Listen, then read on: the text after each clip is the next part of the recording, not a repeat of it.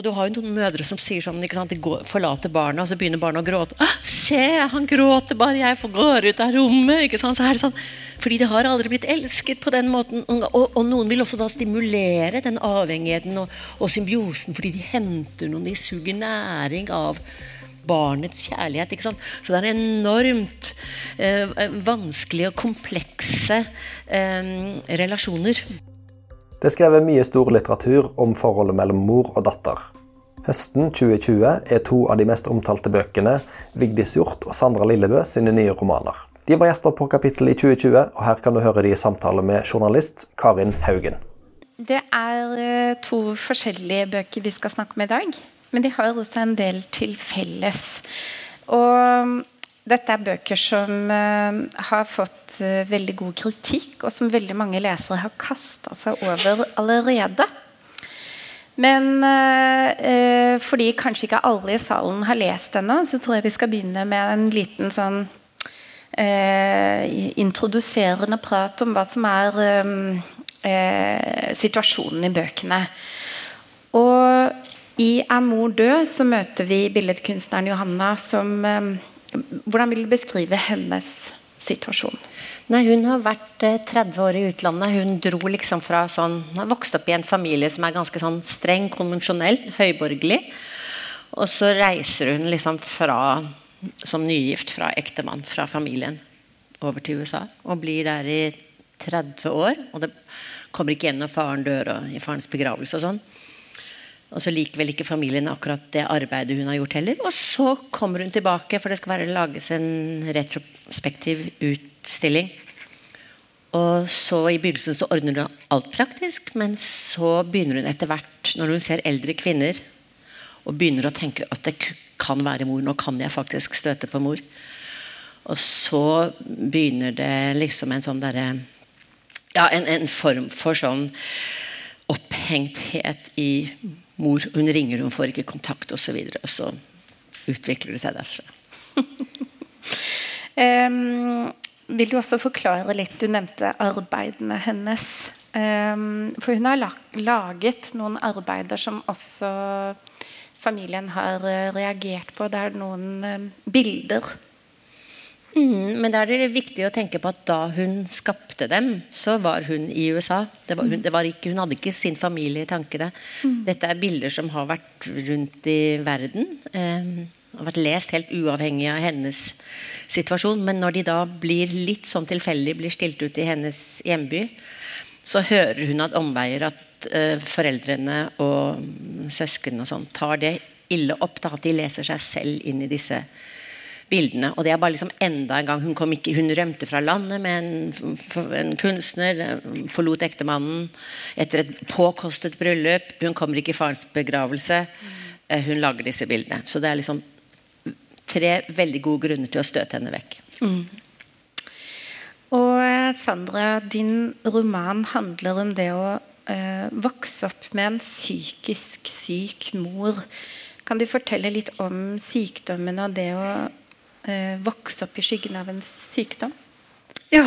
Um, det, er jo en, det er jo en mor-datter-roman. Det handler om forholdet mellom en mor og en datter. Um, Dattera er voksen, kanskje i 40-årsalderen. Uh, lever sammen med en mann uh, og to barn. Er forfatter. Uh, og ehm, romanen uh, handler jo um, hva skal jeg si, Det er på en måte en metaroman. da, for Det er en roman som handler om hvordan en roman blir til. Uh, og hvorfor det blir nødvendig for jeg-personen å skrive nettopp den romanen her. hun har vokst opp med en mor som hun alltid har hatt en følelse av at det var noe med.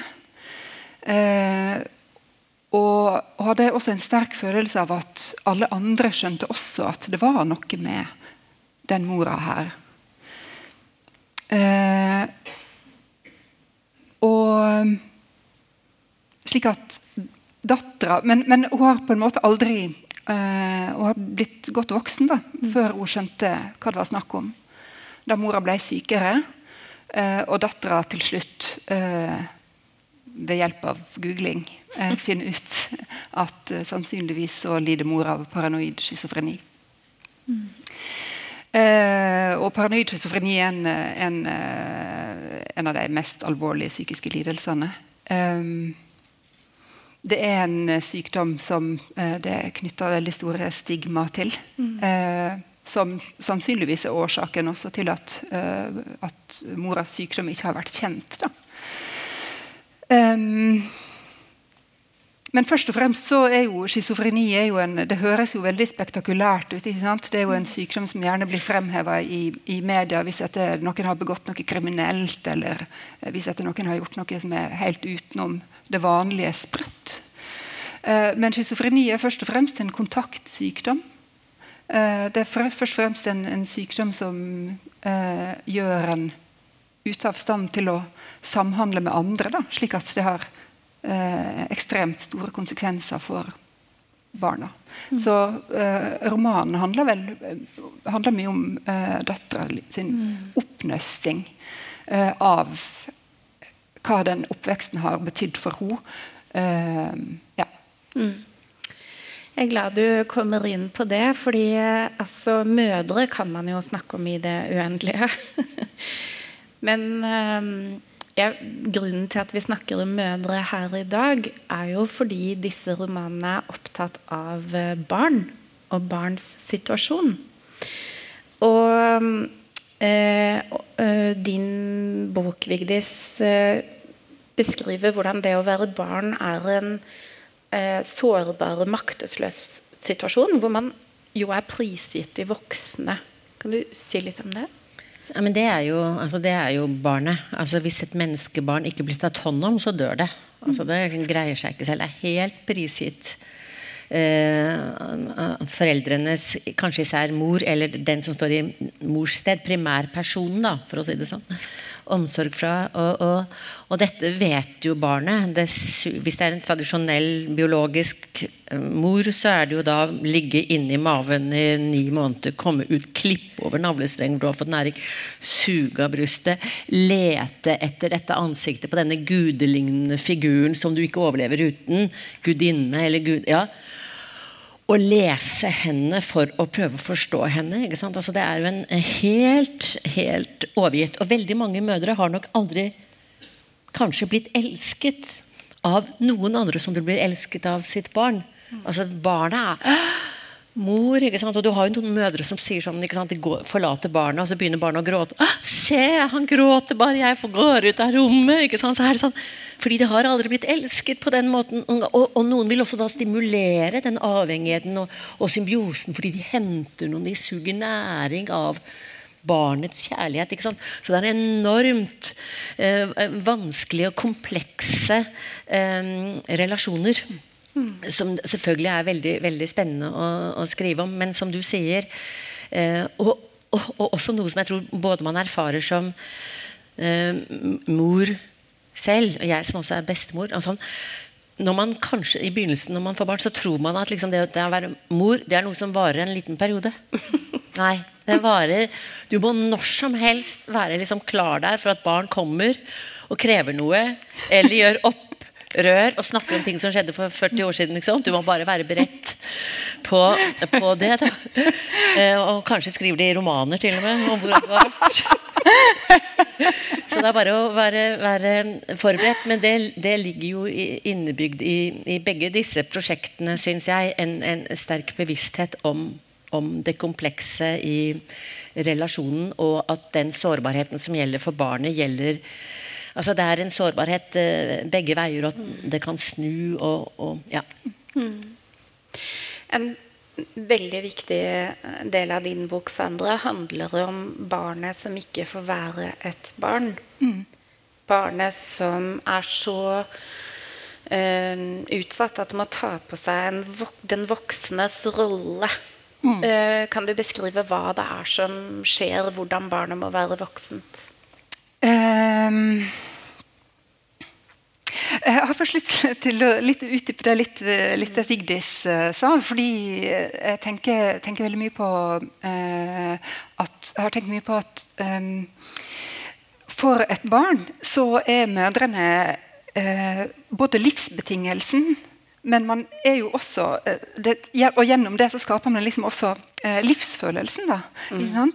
eh, og det er det som gjør eh, at det er det som gjør den relasjonen så betent.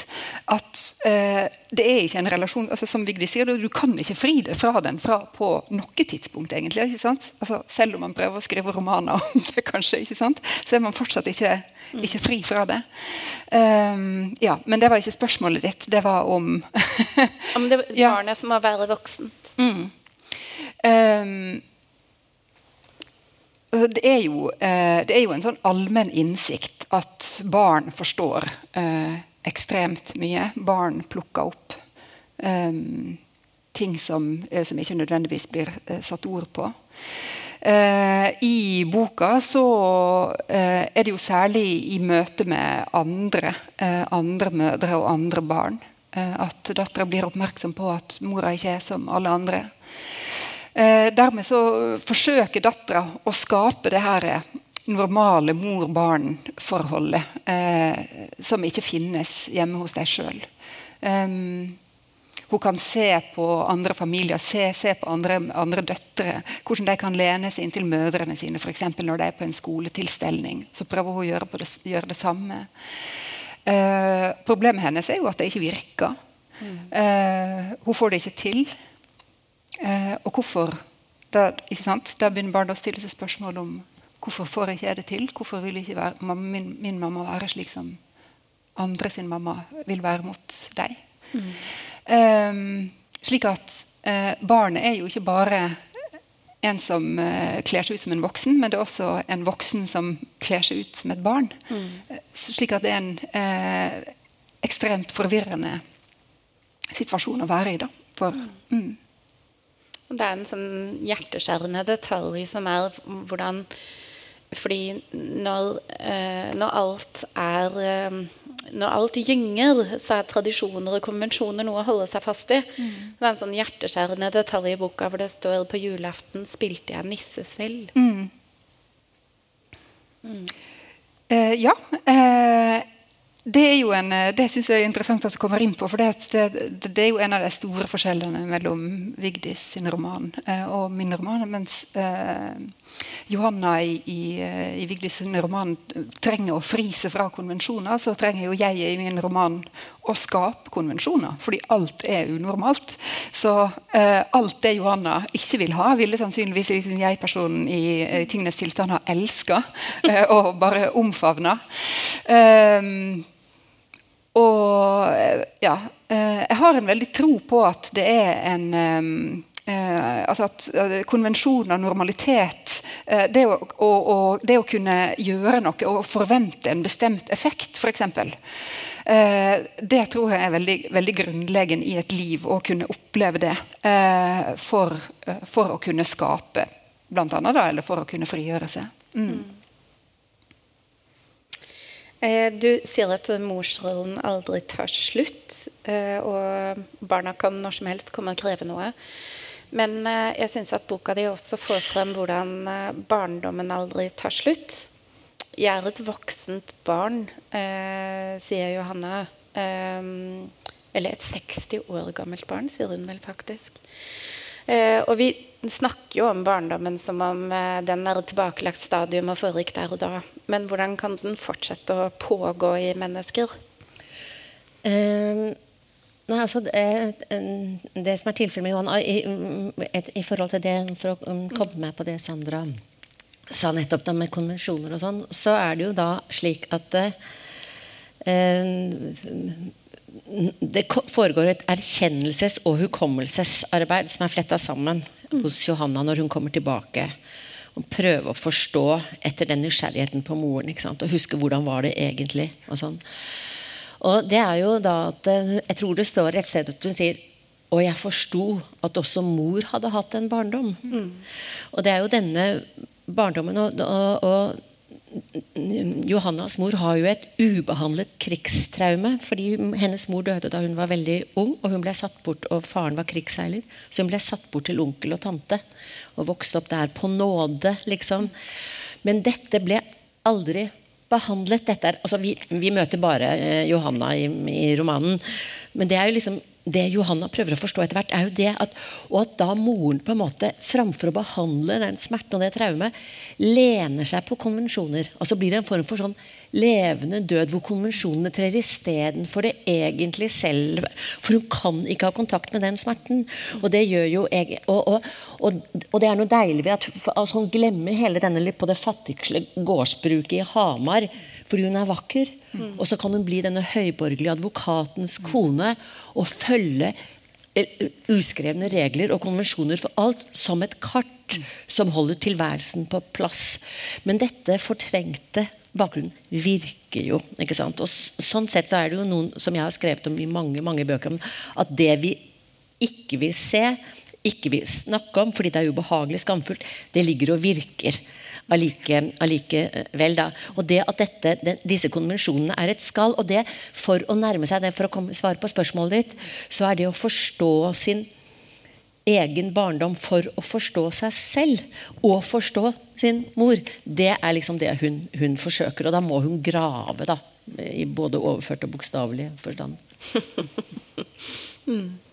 Du gjør jo også det samme. Altså, mm. Du vender blikket en generasjon bakover. Mm. Og prøver å forstå morens bestemor? Ja. Eh, nei, moras mor. Ja, mor, moras mor. Moras mor, altså jegets, uh, jegets mormor. Mm. Eh, ja, fordi Og det er jo der ligger det jo en eller annen sånn, sånn for, for, for, for, gåte, eller noe sånn uforståelig. Fordi, fordi jeg sin mormor var schizofren. Eh, og det eh, visste alle. Selv om ingen snakka om det, så, så, var det noe alle visste. Det var på en måte opp, opplest. Altså, så hun, hun, hadde vært innlagt eh, flere ganger gjennom, gjennom 50-tallet, og 60-tallet og 70-tallet. Eh, slik at, eh, at, på den måten, så for jeg i tingenes tilstand, så er jo mora sin barndom er jo egentlig mer kjent for henne enn eh, hennes egen. Mm. Eh, fordi de eh, betingelsene hun levde under sjøl som barn, var mye mindre, eh, var mye mindre snakka om. da. men det er jo helt klart Og det er jo det som jeg syns gjør mor-barn-relasjonen så interessant å skrive om også. Det er jo nettopp dette der at, at eh, det er jo kanskje når man får barn sjøl, når man blir voksen og får barn sjøl, at man kanskje fullt ut Eller fullt ut, det vet jeg ikke. Men i hvert fall i større grad man oppdager en god del ting da, om sin egen barndom. Man oppdager eh, Man lærer mye om, om eh, hva man har, og hva man ikke har. Ikke altså hvordan Eh, hvis, man aldri har, hvis man aldri har blitt eh, elska av sin egen mor, altså hvordan skal man da vite hva man skal gjøre med sine egne barn? Det er ikke ting som er gitt. Mm. Så mm. Mm.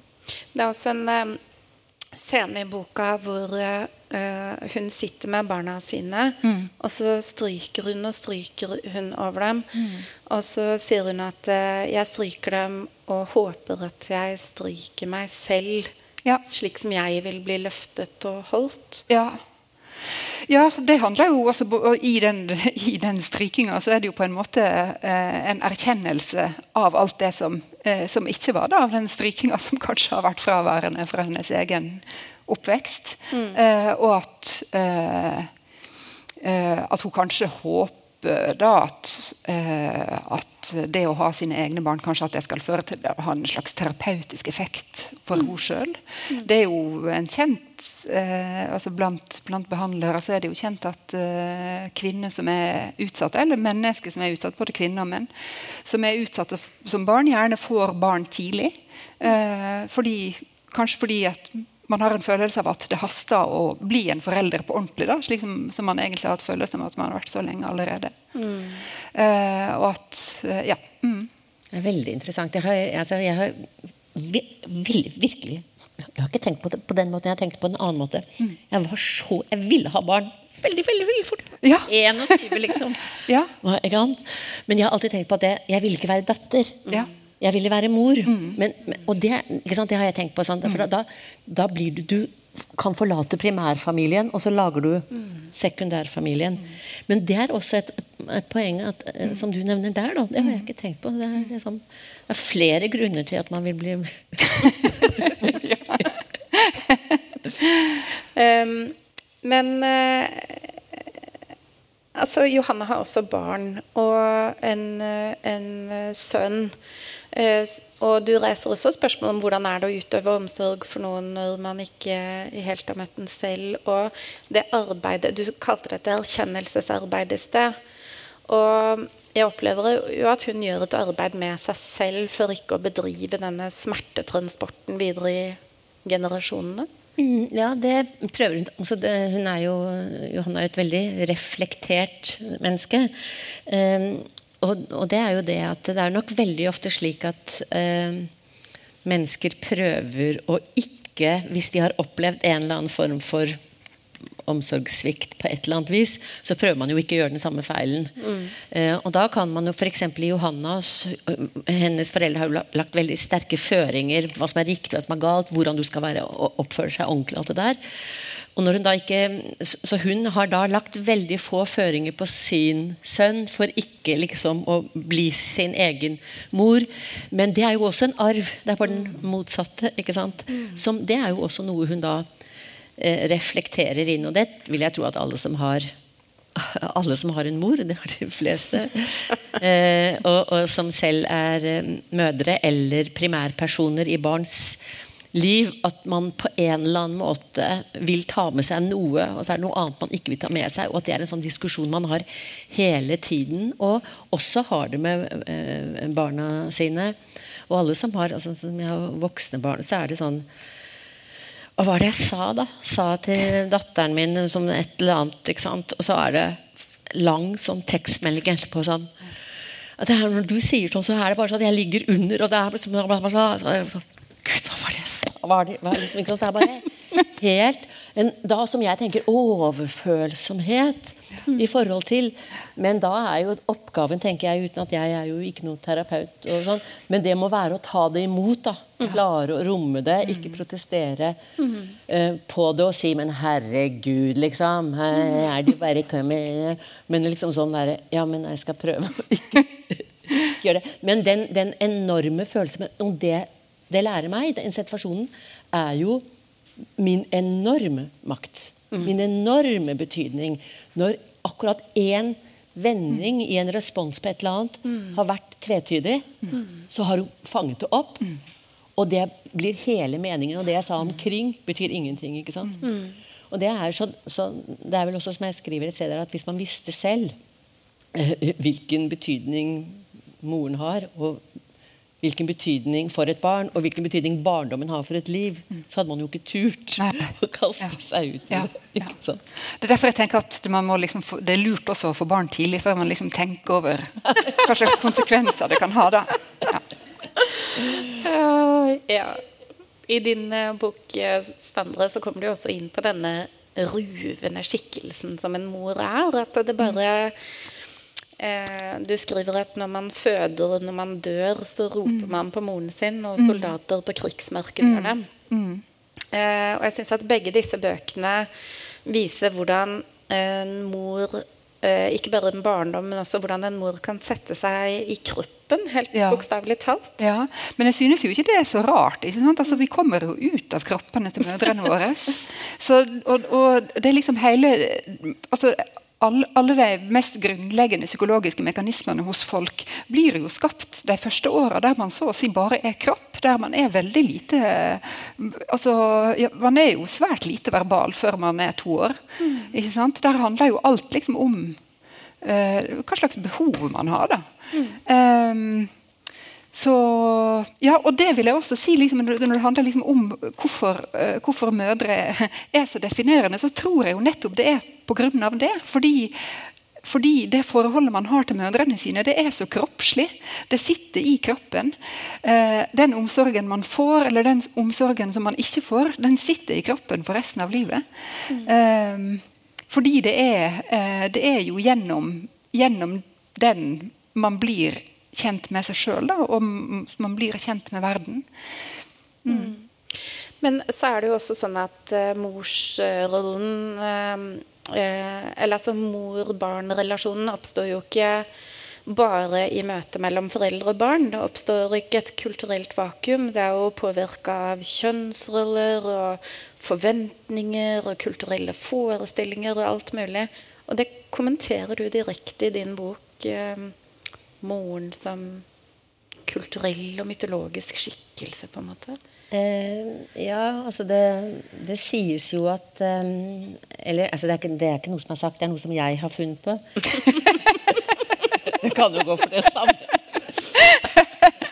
Nei, men det er eh, altså eh, Hva heter det symbolet for eh, fru Justitia? Altså mm. For rettsvesenet, det er jo en kvinne. Mm.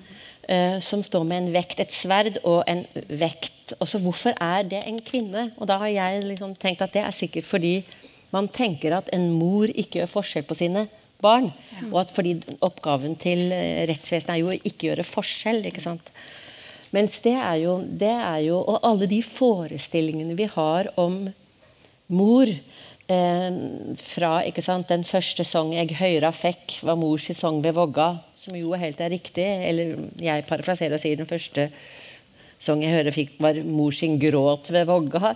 ikke sant, så, så er men, men, og det legger seg jo mellom Det er forestillinger som er overlevd, som er i utvikling, selvfølgelig. Mm. Men det er jo å bære mytens kors. da. Altså De har disse forestillingene om hva en mor er, og hva en mor skal være. Og en go god mor, den dårlige mor altså Vi har masse masse begreper for det i, i språket som viser hvilken enorm forestilling og, og, mytologi som er omkring moren. Og så skal den der ganske reelle, faktiske moren eh, på en måte bli møtt med forventninger som er fra det helt konkrete barnet, men også av masse forestillinger omkring om hva en god mor er. da. Og ingen av disse mødrene eh, lever helt opp til det. Men den, en, en, moren til Johanna gjør det vel på en eller annen måte tilsynelatende. Så derfor så er det, det er ganske forskjellige Mm. altså, det er forskjell, ganske forskjellige møter mellom mor og barn i disse to, mm. to romanene. Absolutt. Ja. ja, absolutt. Jeg tenker at Det som er interessant i den sammenhengen, tenker jeg jo at eh, altså hvorfor, eh, Det har jo vært veldig mye snakk om eh, denne barselbølgen i litteraturen. Eh, jeg har egentlig tenkt mer på det som en omsorgsbølge. Og at eh, bl.a. sånne bøker om, om mødre kanskje blir aktuelle nå. fordi rett og slett Pga. den teknologiske utviklinga som gjør at man får, du får liksom sett veldig tydelig at det liksom og biologisk være en mor er jo noe annet enn det det, det er kulturelt. Og Du nevnte det jo så vidt i sted. at En mor trenger jo ikke nødvendigvis mm. uh, å være liksom akkurat den kvinna som, uh, som fødte en. Det, så oftest er det jo det, men det trenger jo ikke, trenger jo ikke være det. Det er jo rett og slett den, den, det man kaller liksom en, sånn, en primære omsorgsperson. Den personen som du har å stole på. Da. Og et sånt menneske trenger uh, alle. Mm. Selv om alle ikke liksom trenger å ja, bli født av en kvinne og oppdratt av den samme kvinnen. Mm. Men Det er ganske interessant, fordi altså, nå kan jo også enslige menn mm. få, få, barn. Jeg kjenner flere som har det. Og også, Man kan tenke seg at, det, altså, at kanskje det finnes en frihet i det, fordi den rollen er helt ny. De må mm. liksom finne den litt. Ja. Altså Det eneste vi har av det, er liksom Chaplin, da, som tar på denne lille eh, gutten. Altså Du har noen sånne eh, fortellinger i, i, litteraturen hvor, hvor, menn har tatt vare på liksom, små barn som har forsvunnet eller er foreldreløse og sånn. Men det er en ny rolle som man kan utforske, kanskje. Det finnes et frirom der. Så det er jo, det er jo et felt som er i sterk bevegelse. Det blir spennende å se hvordan morsrollen Hvordan man snakker om mor mm. Om, om, noen år. Men det sitter nok, det er nok veldig dypt, vil jeg tro. Altså. Mm. Jeg tenkte også på disse fedrene. At uh, likestillinga er jo Likestillinga av de endrede kjønnsrollene er jo tross alt ganske fersk. Mm. Og at det kan jo lette noe av presset på mor-barn-relasjonen om fedrene utøver mer omsorg og blir trent mer opp til det også. Ja. Men um, men så tenkte jeg også at mor-barn-relasjonen det er jo én ting, men så er det noe veldig spesifikt ved mor-datter-relasjonen. Eh, og du nevnte i starten at det som eh, setter i gang eh, opphenget hos Johanna, er at hun ser eldre kvinner på gata og tenker eh, på hvordan ser mor ut nå. Men hun tenker også mye på eh, altså Det er en sånn av, av mor er du kommet, til mor skal du bli-tankegang i begge bøkene. At moren er som en sånn, et truende speil eh, for begge døtrene her. Vil du si noe om det? Eh, ja, nei, men altså, det er jo altså, Nå tenker jeg vel kanskje mer på Altså, eh, Johanna prøver jo På de aller første sidene så ringer hun jo til moren sin, og moren tar ikke telefonen. og Hun prøver jo flere ganger å få kontakt, og moren vil ikke ha eh, kontakt med henne. Og dette setter jo i gang et, et stort diktverk hos Johanna. Mm. Som, altså prøver, altså fordi man blir enormt opptatt av det man ikke har tilgang til. Det kan være en ekskjæreste som plutselig flytter, og så lurer du på har han fått ny kjæreste, eller får du lyst til å spionere eller finne ut. Og sånne ting. Og da, da er det jo En av teoriene som Johanna har, er jo at Johanna er jo kunstner, at moren også var flink til å tegne. Det har hun liksom hørt. Og at det finnes også en sjalusi eller bitterhet mellom generasjoner. Og særlig der hvor det har skjedd veldig mye med kjønnsrollene, sånn som f.eks. da det har skjedd med kvinnerollen som gjør at nye generasjonen kvinner har jo enormt andre muligheter enn Johannas mor hadde. Og at det kan finnes en form for sånn bitterhet, sjalusi, altså et speil. Tenk hvis jeg kunne ha gjort Så det tror jeg nok er, er i, spill, eh, i, i, i, spill her. Altså at, at, at, eh, at man leser seg selv inn i og kan føle ja, sjalusi på sine egne barn. Selv om man Også det, den moren som sier 'jeg ønsker, jeg er så glad for alle muligheter', eh, så kan det være en bitterhet om at 'det fikk jeg aldri til'. Som kan komme til uttrykk i en besk replikk eller på et eller annet vis. Og det jeg, tenker jeg også er Men det som er jo veldig forskjellig i, i disse romanene, er jo da at her i, i, i, min roman så er det jo da moren som ikke vil ha kontakt. Eh, mens i Sandras roman så er det jo en mor som veldig gjerne vil ha kontakt. Så det er jo på en måte helt det motsatte i, i forhold til eh, og det er veldig interessant, eh, tenker jeg da. Mm. Ja, det, altså, apropos dette her med, med, med generasjonene, så uh, det er jo en uh, Tingenes tilstand er jo en slags roman også om en arvesynd, eller en redsel for en arvesynd. ikke sant? Den her schizofrenien som, har, uh, som har gått gjennom kvinnene i den familien i generasjoner, og der jeg-personen lurer på om hun også er i ferd med å bli uh, schizofren som sin mor uh, og som sin mormor. Så det er jo liksom det ene. da, Og det andre det er jo at, at etter hvert så går det jo liksom også opp for henne at mora vil jo også bli forfatter. Og, og også en som satte litteraturen veldig høyt. Og, ja. eh, slik at, Hva vil det da gjøre med jeg-fortelleren hvis hun på en måte eh, etterligner og fullfører på en måte moras eh, ambisjoner? Mm. Eh, ja. Men eh, ja. Mm. Men, men, og da syns jeg det er en veldig, veldig interessant eh, scene i romanen din. Hvor, hvor da moren Hun utgir jo en bok på mm. eget forlag.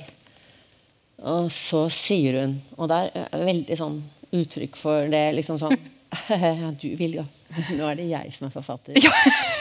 og det er, ikke sant? Så, ja. så det er jo mm. bare en sånn scene som bare ja. setter liksom alt på, mm. på plass. En så for moren mm. avslørende ja. Og for datteren selvfølgelig helt sånn er ikke mor større enn at hun vil ta mm. drømmen min og gjøre den til sin og hovere. Ja. Ja. Ikke sant? Mm. Altså sånn. ja. Og så er det jo så leit. ikke sant? Og det, det, er nok litt sånn at Johanne har jo ikke tilgang på moren, så hun vet ikke mm. Men hun gjetter på at moren omtrent ville reagert på samme ja. måte. Ja, ikke sant. Ja. Mm. Vi nærmer oss faktisk slutten, men jeg har um jeg har liksom lagt inn en sånn uh, litt lys avslutning. Men uh, for at disse bøkene det, er, det handler om mye sårt og komplisert og vanskelig, og man uh, føler mye når man leser dem. Men jeg syns også det er veldig fint at begge bøkene har en sånn kjærlighet og lys i seg, rett og slett. Da. Og også et aktivt forsøk på å finne ro Um, og for uh, Johanna sin del så er det særlig naturen. da. Hun har en koie i skogen, og på et tidspunkt så, så sier hun også ja, Der er den, min venn steinen. uh, og um, i din roman, Sandre, så er det, liksom, det er dels sånne psykologer og samtaler, men også bare hverdagen og sportssendinger og sånn. Mm. Så kan dere si litt om det som hjelper? Men bare, det er én ting som jeg har veldig lyst til å spørre Sander om, hvis jeg kan det. Ja. Eller som jeg tenker som er veldig øh, Som jeg syns er liksom interessant, fordi jeg opplever at hovedpersonen i Tingenes tilstand har en, er i en mye mer krevende situasjon enn Johanna. Mm. Fordi Johanna blir avvist. Og det å bli avvist så konsekvent, det skaper jo en form for frihet og handlingsrom for henne. Mens eh, i Sandras roman, i din roman, så er jo et, en, et begrep som skyld mm. eh, relevant. ikke sant? Mm. Fordi moren er syk. Mm. Og det kan ikke moren noe for. Mm. Og det vil si at på en eller annen måte er moren unnskyldt. Og hvordan skal man reagere i forhold til det? Det er så lett for Johanna på en måte å kunne ta Hun er jo avvist. Hun prøver å kunne det det er en sånn enkel så den, den, Jeg tenker på at dilemmaet i, i, din roman er mye, mye mer krevende for hovedpersonen. Mm. Um, og, og det, så jeg, jeg syns det er veldig altså, jeg syns den er mye mer hjerteskjærende enn mm. en min, rett og slett fordi at dilemmaet der er så enormt eh, krevende. Da. Det er jo veldig ulike bøker. Ja, ja, ja, det er jo veldig ulike bøker Selv om de behandler det samme temaet. Så det er ulike situasjoner, det er ulike klasser og samfunnslag. Det er veldig mange ting som, som, er forskjellige, men det, det er jo bare altså, hva jeg skal si, det er jo på en måte to ulike tilnærminger av den samme eksistensielle knuten. Da, som, eh, som handler om hvordan man blir skapt som menneske, og hvordan man skal eh, hvordan man, Når man tross alt liksom blir skapt som menneske av andre mennesker, for det blir vi jo alle, hvordan skal man da liksom klare den her individualiseringa, egentlig? Ja. ja. Og, og, det jeg syns romanen din viser veldig, er hvordan eh, handlingsrommet i løpet av et liv, hvordan det utvikler seg, altså blir mindre i den forstand at eh, løsningen på et tidspunkt gir seg selv. Altså den, den, den, friheten du tror du har, og så mm. skjer det ting i livet, og så blir det bare ender med at Nei, det er bare én vei ja. her. ikke sant? Altså sånn, som er eh, ja. Men hva som hjelper? Mm. Ja, da, Man kan jo gå i terapi. det har jo begge disse øh, Nei, hovedpersonen i din har, går i terapi. Mm -hmm. Jeg tror kanskje ikke Johan har gått i terapi, men jeg har jo gått masse i terapi. og jeg syns det hjelper. Men å være i naturen eh, syns jeg hjelper veldig, veldig. Altså det å være og kjenne at, som det vel står et sted, at man er fra jord, ikke fra mor. Og det er jo til jorden man skal tilbake, ikke til moren. Og det er veldig deilig. At vi ikke skal inn igjen der.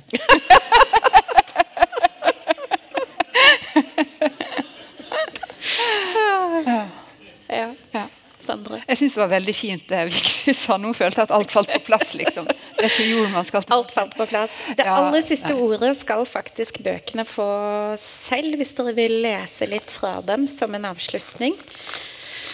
Eh, vil du begynne, Vigdis? Ja, skal vi se. Du tar boka di. Um, det er bare eh, Johanna hun graver bokstavelig. Hun husker en sånn skatt som hun gjemte en gang da hun var liten. Og så klarer hun å oppsøker hun barndomshjemmet og så klarer hun å grave den opp. Da finner hun en dagbok fra hun var ti år. Eh, I dag spurte, altså Der står det. I dag spurte mor om hvorfor jeg kremter sånn rart i halsen hele tiden når jeg gjorde lekser. Men jeg klarte ikke å forklare det til henne. Hun ble sur. Da jeg skulle legge meg, tenkte jeg på det. Jeg tror det er fordi at halsen er mellom hodet og hjertet. Og når jeg skal gjøre lekser, kan jeg ikke kjenne hjertet. Så da låser jeg halsen, sånn at hjertet ikke kommer opp i hodet. Men hvis jeg sier det til mor, sier hun at jeg er dum. Og det jeg tenker er at Noe av knuten i denne romanen, for å bruke ordet til Sandra, det er at moren Det er Johannas tese. Moren har også en låst hals hvor hode og hjerte ikke har kontakt. Og så har Johanna den forestillingen om at hun skal rive opp den låsen, og skal hjertet og hodet få kontakt. Og så blir moren forløst, og så blir Johanna forløst, og så kan de være på den forløsende samtalen. Det er en naiv forestilling. Men det er i hvert fall den hun har, da. Um, skal jeg lese? Altså, det er fint. Mm, til dit. Ja. Mm, ok. Jeg tenkte jeg skal lese fra begynnelsen av romanen. Tålegrensen min blir lavere med tiden. Fra jeg flyttet hjemmefra og til jeg var i begynnelsen av 20-årene, hendte det når vi snakket sammen, at jeg foreslo for henne at vi skulle dra og se en kunstutstilling eller kjøpe billetter til operaen. At vi skulle reise inn til Oslo, gå på kafé og spise pizza og drikke vin. Jeg satt på hybelen og limte bilder av henne inn i album og tegnet border rundt med blyanter i flere farger. Jeg visste det ikke da, men det var en stor anstrengelse. Nå er det gått ett år siden sist jeg tok telefonen. Jeg har forstått at det er sånn det må være. De siste gangene jeg har møtt henne, har det bare tatt 10 eller 15 minutter før det har kjentes som om kroppen min ble fullstendig lammet. Det begynner som en sitring i ryggmarken, og så stråler det ut i armene og beina. Øynene har lukket seg av seg selv, og jeg har måttet gå trappen opp til soverommet i andre etasje for å legge meg ned under dyna. Jeg har måttet sove eller gråte eller begge deler. Jeg har kjent meg aldeles kraftløs. Fortsatt tenker jeg noen ganger at jeg skal besøke henne, at jeg skal reise til Glasgow alene og være med henne i leiligheten en helg. Jeg ser for meg at jeg tar bybanen ut til Flesland, at jeg kysser mannen min og klemmer ungene når jeg drar, at jeg setter meg på flyet som lander i Edinburgh. Jeg ser for meg at jeg står utenfor leiligheten hennes med en liten trillekoffert. Jeg ser for meg at vi skal drikke vin og røyke sigaretter. Det er en drøm om forsoning, og den holder helt til jeg prøver å se for meg at vi også snakker sammen. At vi er alene, oss to, i det samme rommet. Takk til begge to.